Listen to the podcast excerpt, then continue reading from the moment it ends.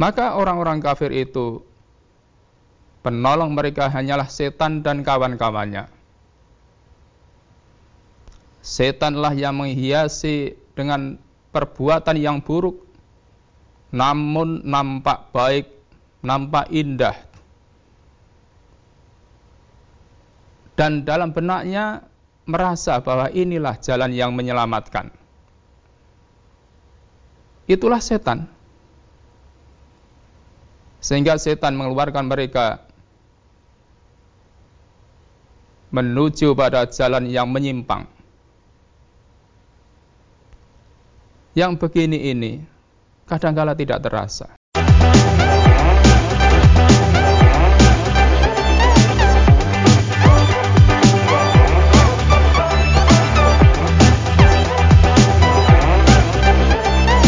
Karena setan telah mengeluarkan kedua ibu bapamu dari surga.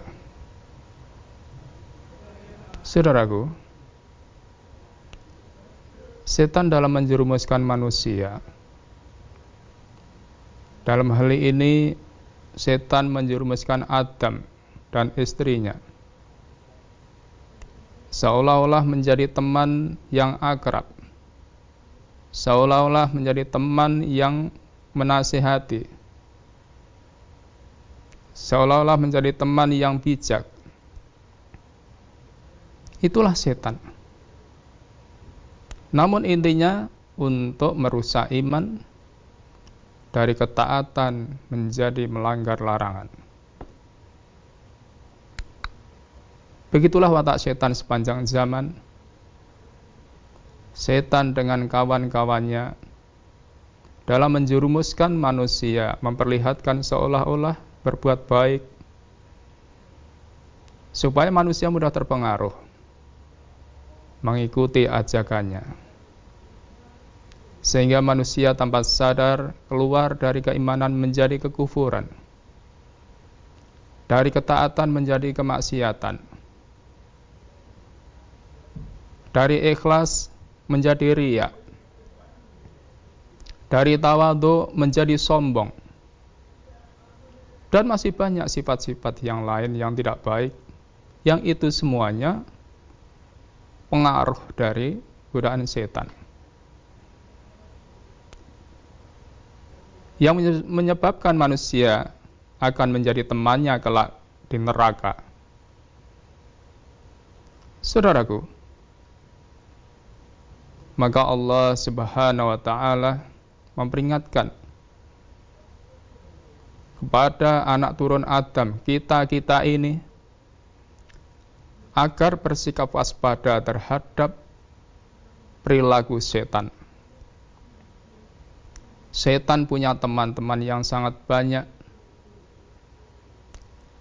Seraya menjelaskan bahwa setan itu adalah musuh bebuyutan manusia, terutama bagi orang-orang yang beriman.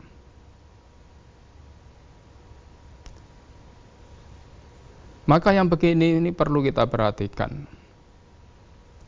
Iblis telah berupaya, setan telah berupaya mengeluarkan manusia dari iman jalan yang akan menuntun ke surga yang merupakan darun naim rumah yang penuh dengan kenikmatan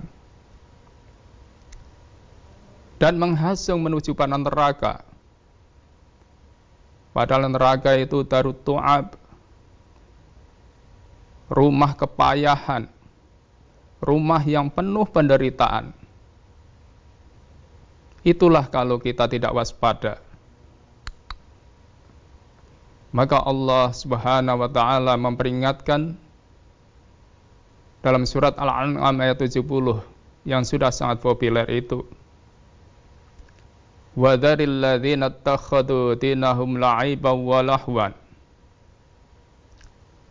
dan tinggalkanlah orang-orang yang menjadikan agama mereka sebagai main-main dan senda gurau.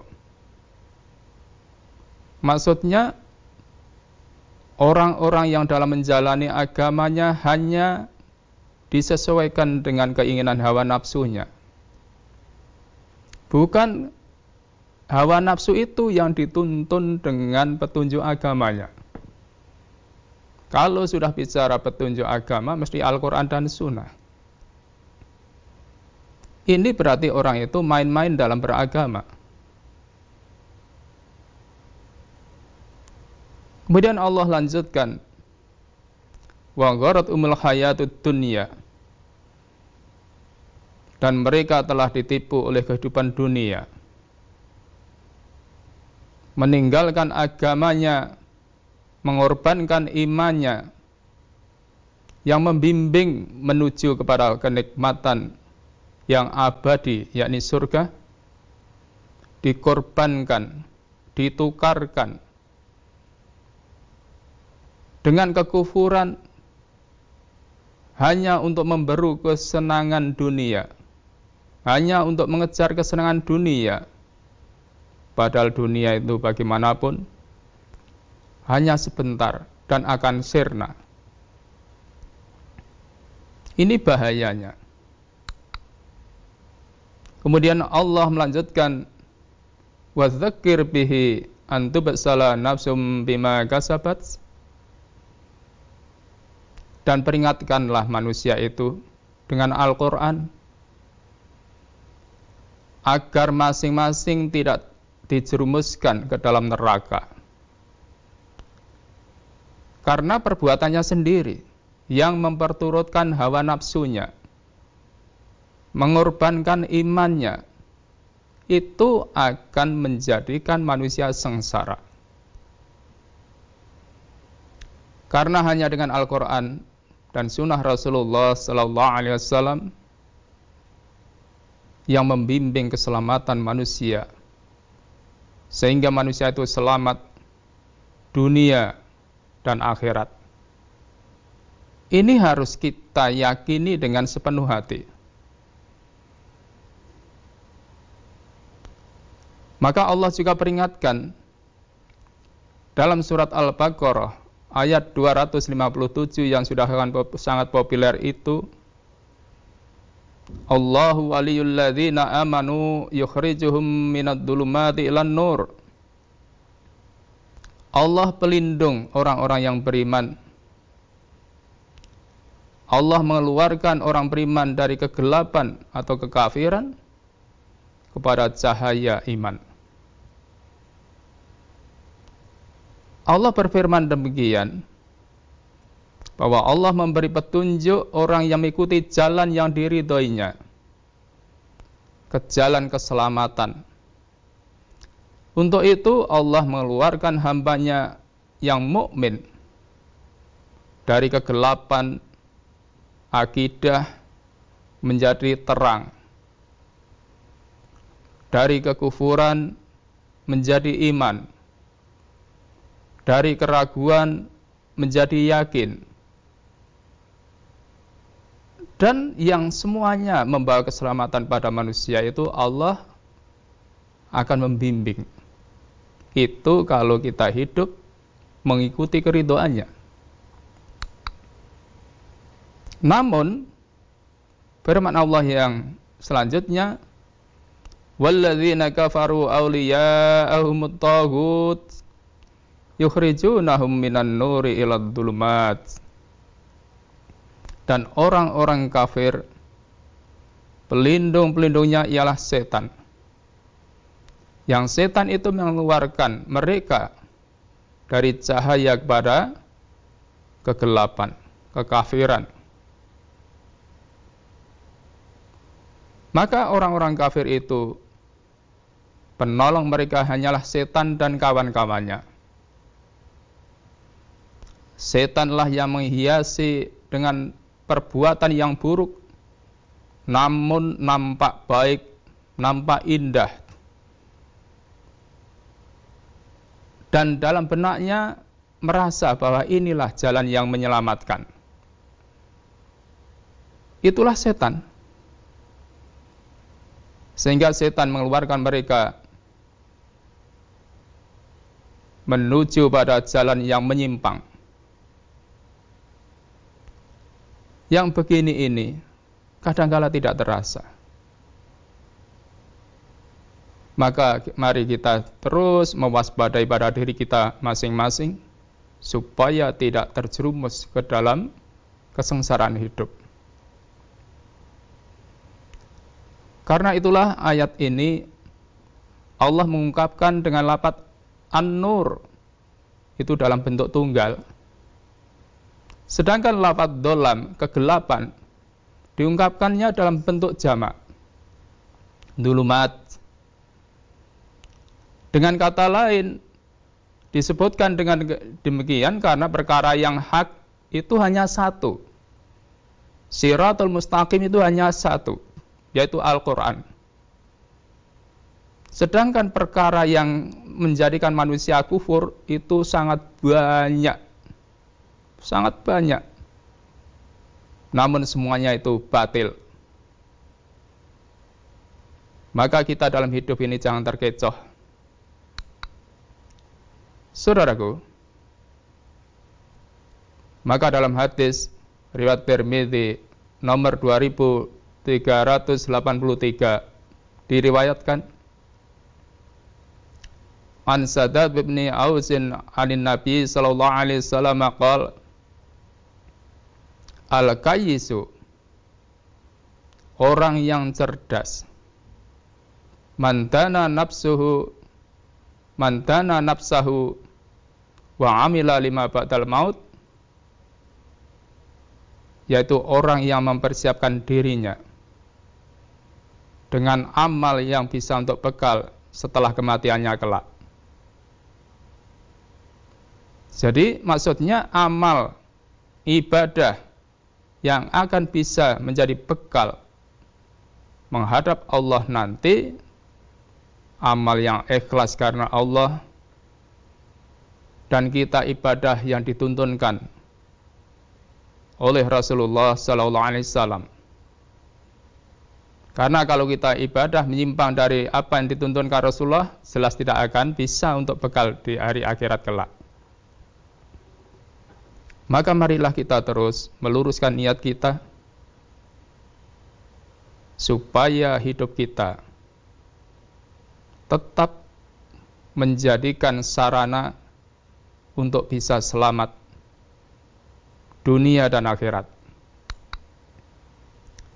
Kemudian dilanjutkan hadis tadi wal azizu ngajis itu man atba'a nafsahu hawaha wa tamanna 'ala Allah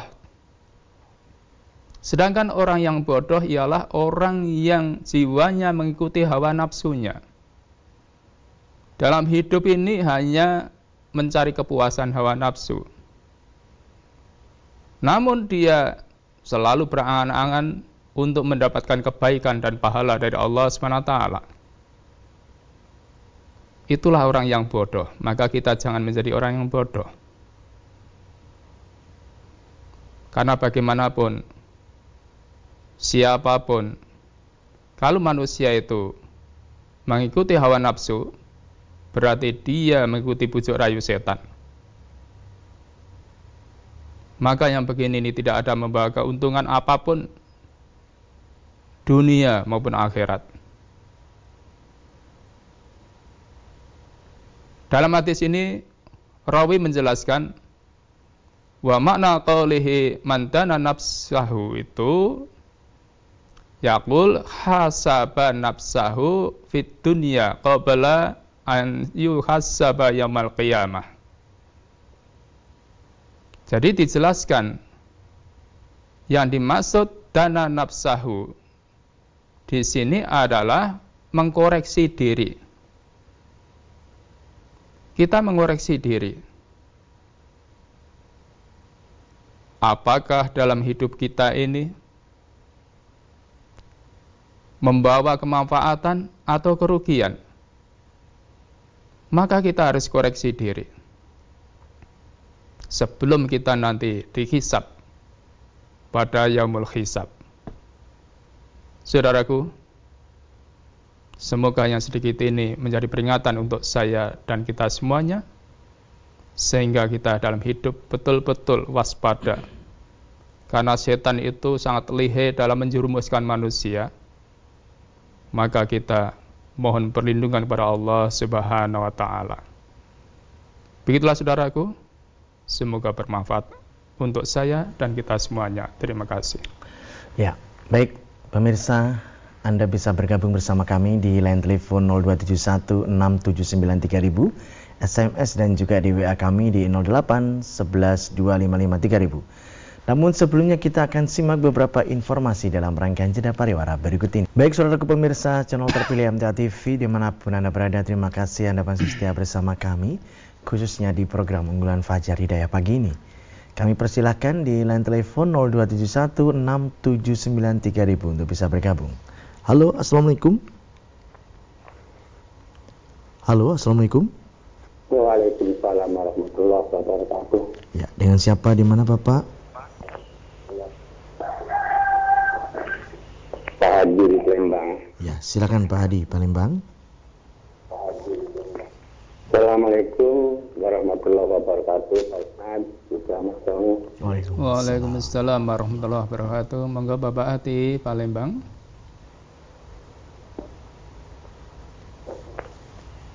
Saya mau tanya tentang nasabah. Ini masalah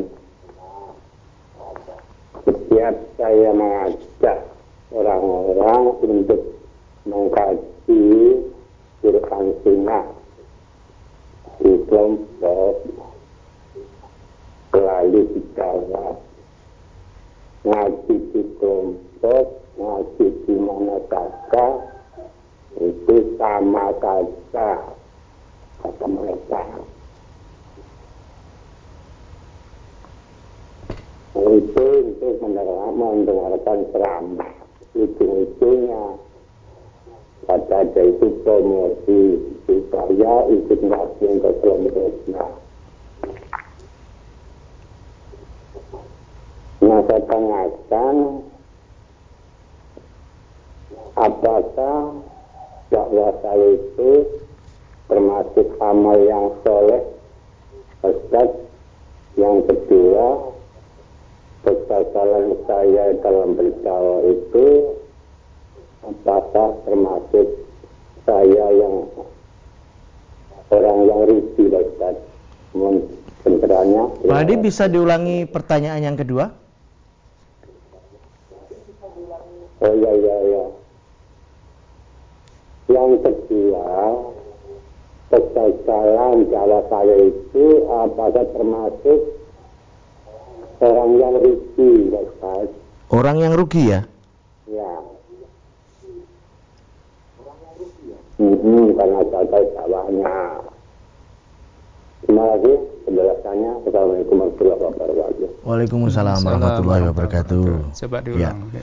Secara singkat yang beliau ini mengajak untuk ikut mengkaji Quran dan Sunnah tapi hanya dijawab ngaji di mana saja kan sama. Nah pertanyaannya apakah ajakan beliau itu termasuk amal soleh dan apakah reaksi mereka itu termasuk yang merugi? Iya. Jadi Bapak Ati ya, jadi kita dalam mengajak mengajak itu wajib memang kita ngajak. Lah ngajak itu perkara diikuti atau tidak itu nggak jadi masalah. Nggak jadi masalah.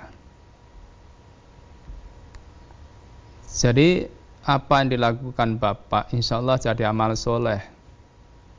Apalagi kita itu dalam rangka untuk amar ma'ruf.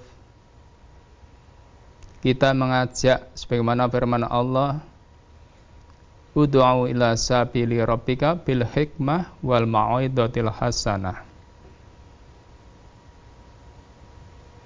Kita itu diperintahkan mengajak manusia pada jalan Allah SWT ya dengan bijak dan pengajaran yang baik kata yang sopan itu akan menjadi amal soleh. Lah sekarang kalau dijawab umpamanya tadi dikatakan ngaji di mana saja itu sama. Betul, kalau yang dikaji Al-Quran dan Sunnah, kalau betul-betul yang dikaji Al-Quran dan Sunnah, ya di mana saja sama. Dan akan ketemu kalau Quran dan Sunnah yang dikaji.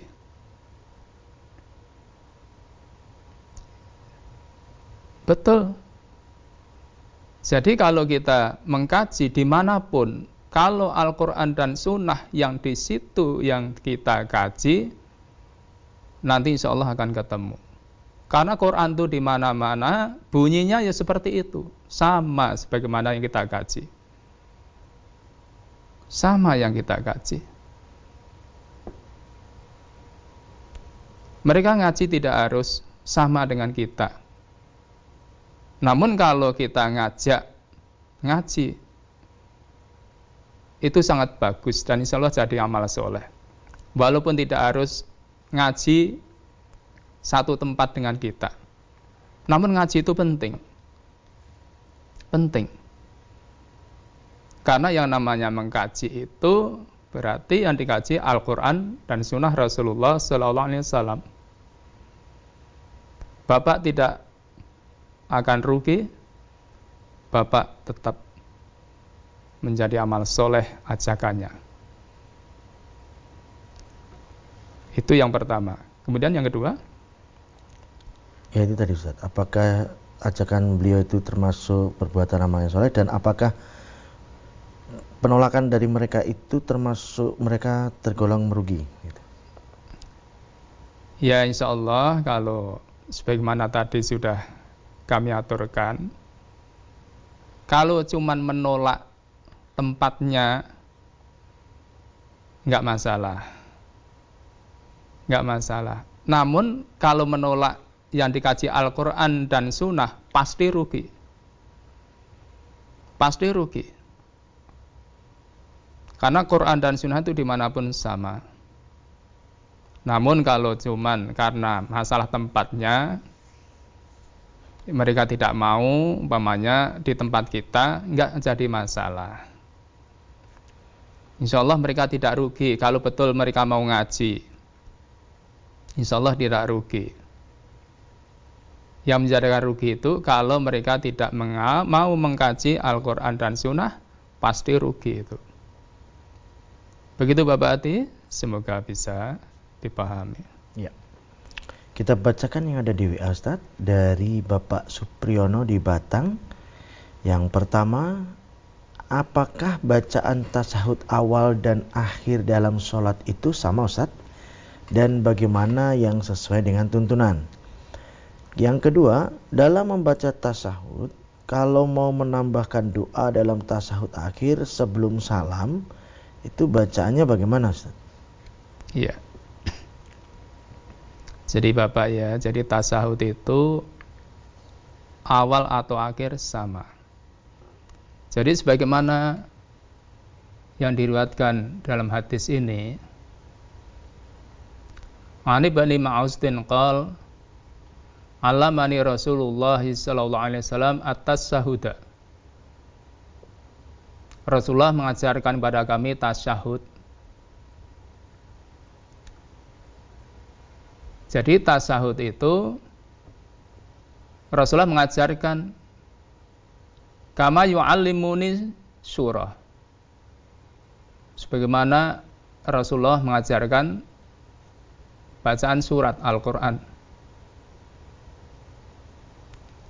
At-tahiyatu lillah wassalawatu wat-tayyibat.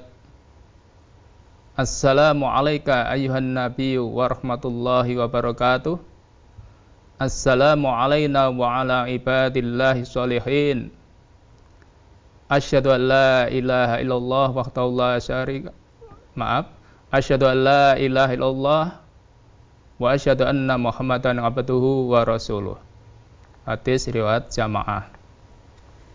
Kemudian setelah itu kita membaca solawat.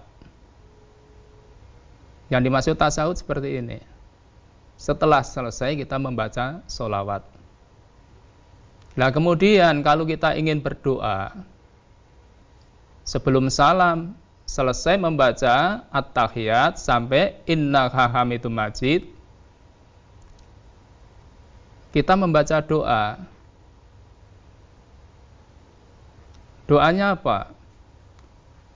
Allahumma inni a'udzubika min adabil qabri wa min adabin nari wa min fitnatil mahya wal mamati wa min fitnatil masihid dajjal. Itu doanya. Kita mohon perlindungan pada Allah. Setelah itu baru salam. Itu membaca tasahud. Jadi sama tasat itu awal maupun akhir sama. Begitu Bapak, semoga bisa dipahami. Ya, baik. Kita terima di line telepon kembali. Halo, Assalamualaikum.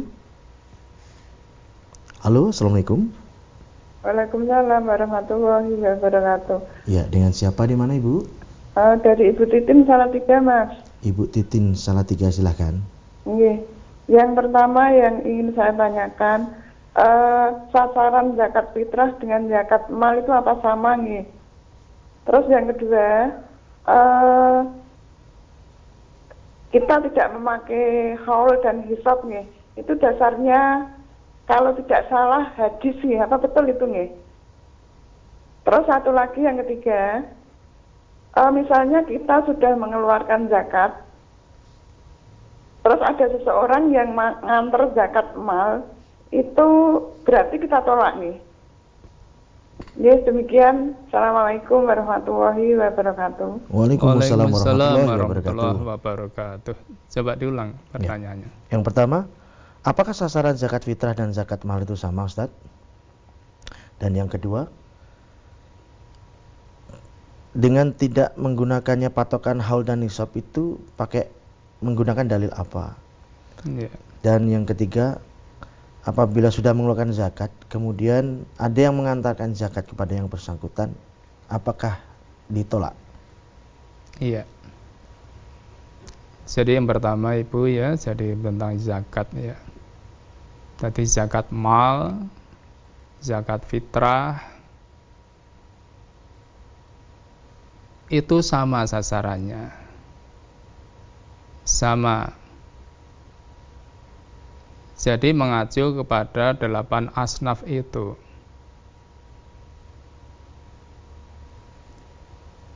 Itu masalah zakat. Ya. Kemudian kalau kita urusan zakat, kita meyakini bahwa apa yang ada itu termasuk ya haul nisab memang ada hadisnya. Tapi kita lebih mengutamakan pada ruh zakat itu wa mimma razaqnahum yunfiqun. Dari rezeki yang Allah sudah berikan pada kita. Kita mengeluarkannya mengeluarkannya. Maka kalau kita itu diberi rezeki oleh Allah, mari kita keluarkan zakatnya. Kita keluarkan zakatnya. Karena zakat itu wajib. Jadi kalau kita ini diberikan rezeki oleh Allah, kerja punya hasil dua setengah persen, karena panen padi di sawah zakatnya 5%. Dah itu kita tunaikan. Kita tunaikan. Insya Allah menjadi berkah. Kemudian kalau urusan orang diberikan zakat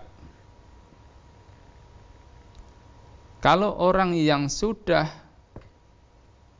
mengeluarkan zakat, ya jangan diterima. Jangan diterima karena itu bukan haknya.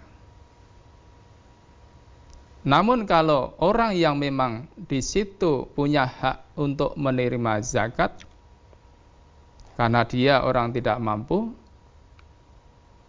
ya diterima. Lah bagi kita yang mampu jangan menerima zakat karena itu bukan hak kita. Begitu Ibu, semoga bisa dipahami. Ya. Berikutnya kita bacakan pertanyaan dari Bapak Kenan di Pontianak. Mohon bisa dijelaskan Ustadz, apakah ada contoh sholat dua rakaat duduknya sama dengan duduk di saat atahiyat awal? Iya. Jadi Bapak ya, saya bacakan hadisnya di sini ya.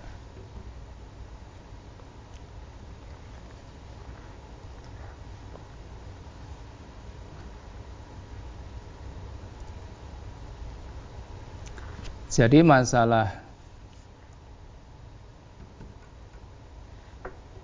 duduk. Jadi masalah duduk itu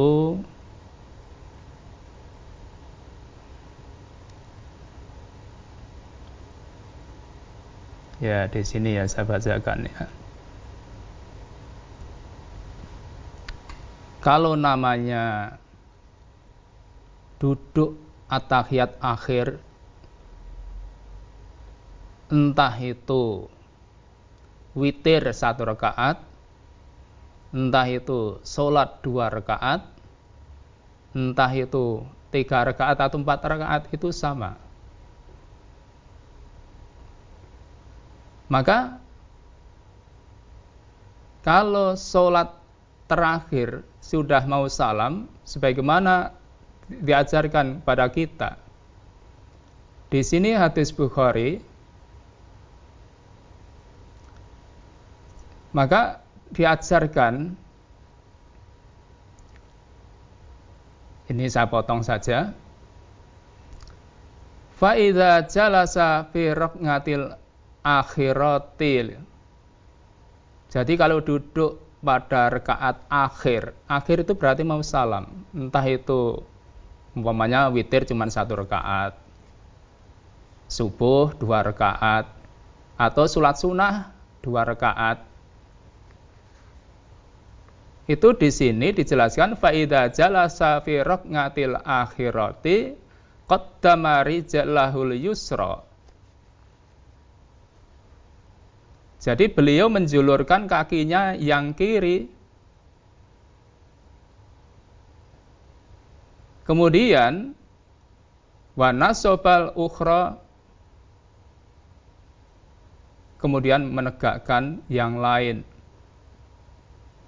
Jadi tawaruk istilahnya. Jadi kaki kiri dijulurkan, kaki kanan tegak. Maaf, dinamakan tawaruk itu karena apa? Maaf, ini pantat ini semeleh istilahnya di lantai. Itu duduk atahiyat akhir.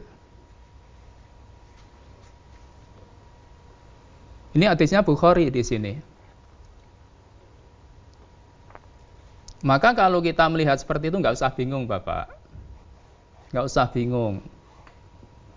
Pokoknya kalau sholat itu kalau cuma dua rakaat duduknya ya seperti duduk di antara ya dua rakaat yang seperti atahiyatul awal umpamanya. Bagi mereka yang pendapatnya begitu biarkan saja. Kita ikuti hadis ini. Kita ikuti hadis ini.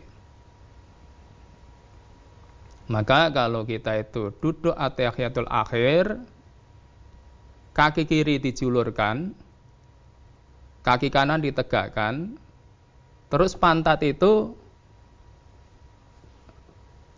istilahnya duduk di lantai. Itu cara duduk at-tahiyatul akhir. Begitu Bapak, semoga bisa dipahami. Ya, baik. Masih ada kesempatan kami persilakan di line telepon kembali. Halo, Assalamualaikum. Halo, Assalamualaikum. Waalaikumsalam warahmatullahi wabarakatuh. Ya, dengan siapa di mana Ibu? Ini dari Wonosobo Putih, Pak Ustaz.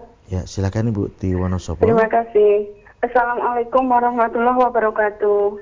Waalaikumsalam warahmatullahi wabarakatuh. Monggo Ibu Tiwonosopo. Oh, nggih. Terima kasih. Eh, nyambung pertanyaan dari Bapak tadi, Pak Ustadz. Gini, hmm, misal eh, duduk tahiyat akhir itu kaki kanannya tidak bisa ditekuk karena sakit. Oh, bisanya hanya semampunya. Itu bagaimana Pak Ustadz sholatnya? Terima kasih tausiahnya. Wassalamualaikum warahmatullahi wabarakatuh. Waalaikumsalam warahmatullahi wabarakatuh. Jadi Ibu ya, jadi sholat itu tidak menyulitkan Pak Ibu. Itu mestinya kan bagi yang sehat, bagi yang normal. Lah kalau mungkin karena sakit, ya sebisanya sebisanya. Jangankan bisa duduk ibu. Wong sholat hanya bisanya duduk di kursi, terus gimana? Tetap sah sholatnya, nggak ngurangi apa-apa. Karena ada udur syar'i yang menyebabkan tidak bisa melaksanakan seperti yang ditunjukkan oleh Rasulullah. Maka kalau sakit, ya maksimal yang bisa dilakukan itu bisa dikerjakan. Nggak usah kecil hati, sama. Karena memang ada udur yang menyebabkan tidak bisa sebagaimana dicontohkan tadi. Begitu Ibu, semoga bisa dipahami. Ya, baik. Satu lagi Ustaz di penghujung perjumpaan kali ini dari Bapak Haryono di Banjarnegara. Ustadz sekarang ini banyak dai atau ustadz dan juga penceramah lainnya lebih banyak leluconnya daripada Al-Quran dan As-Sunnahnya. Yang demikian apakah pantas disebut dakwah Ustaz? Mohon tausiahnya. Ya, Bapak di Banjarnegara ya. Ya, Banjarnegara. Jadi Bapak ya, jadi kita ibtak binapsik Bapak, kita mulai dari diri kita sendiri. Maka kalau kita berdakwah Bapak, kita itu yang kita dakwahkan Al-Quran dan As-Sunnah. Al-Quran dan As-Sunnah.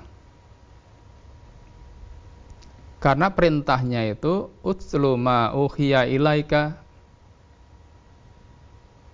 Jadi kita itu supaya membaca, menerangkan, apa yang diturunkan Allah dari Al-Quran itu. Maka kalau kita ini dijelaskan, maka kalau Allah itu firmankan, Walladhi ba'asa fil ummiyina rasulam minhum yatslu alaihim ayatihi yatslu di situ, membacakan. Jadi membacakan pada umat itu ayat-ayatnya. Maka kalau kita dakwah, kita bacakan, mungkin tidak membaca sudah hafal. Bagus. Diterangkan apa yang dimaksud yang kita baca itu diterangkan dengan jelas. Hadis juga begitu. Jadi membaca atau mungkin sudah hafal itu intinya untuk memberikan penjelasan pada umat supaya umat itu paham Al-Quran, paham As-Sunnah, itu intinya dalam berdakwah. Dalam berdakwah. Maka kita-kita ini harus kembali ke sana. Itulah tugas Rasulullah. Maka kalau kita ingin menjadi tangan panjang dari dakwah Rasulullah ya seperti itu. Jangan menyimpang. Sehingga umat itu yang tidak ngerti, maka kalimatnya itu umat yang tidak ngerti agama menjadi ngerti itu kalau kita bacakan ayat-ayat Allah, kita bacakan hadis-hadis Nabi, kita terangkan dengan jelas, itu tugasnya para dai. Begitu Bapak, semoga bisa dipahami. Ya. Kami sampaikan terima kasih atas pelajaran dan tausiahnya Ustaz.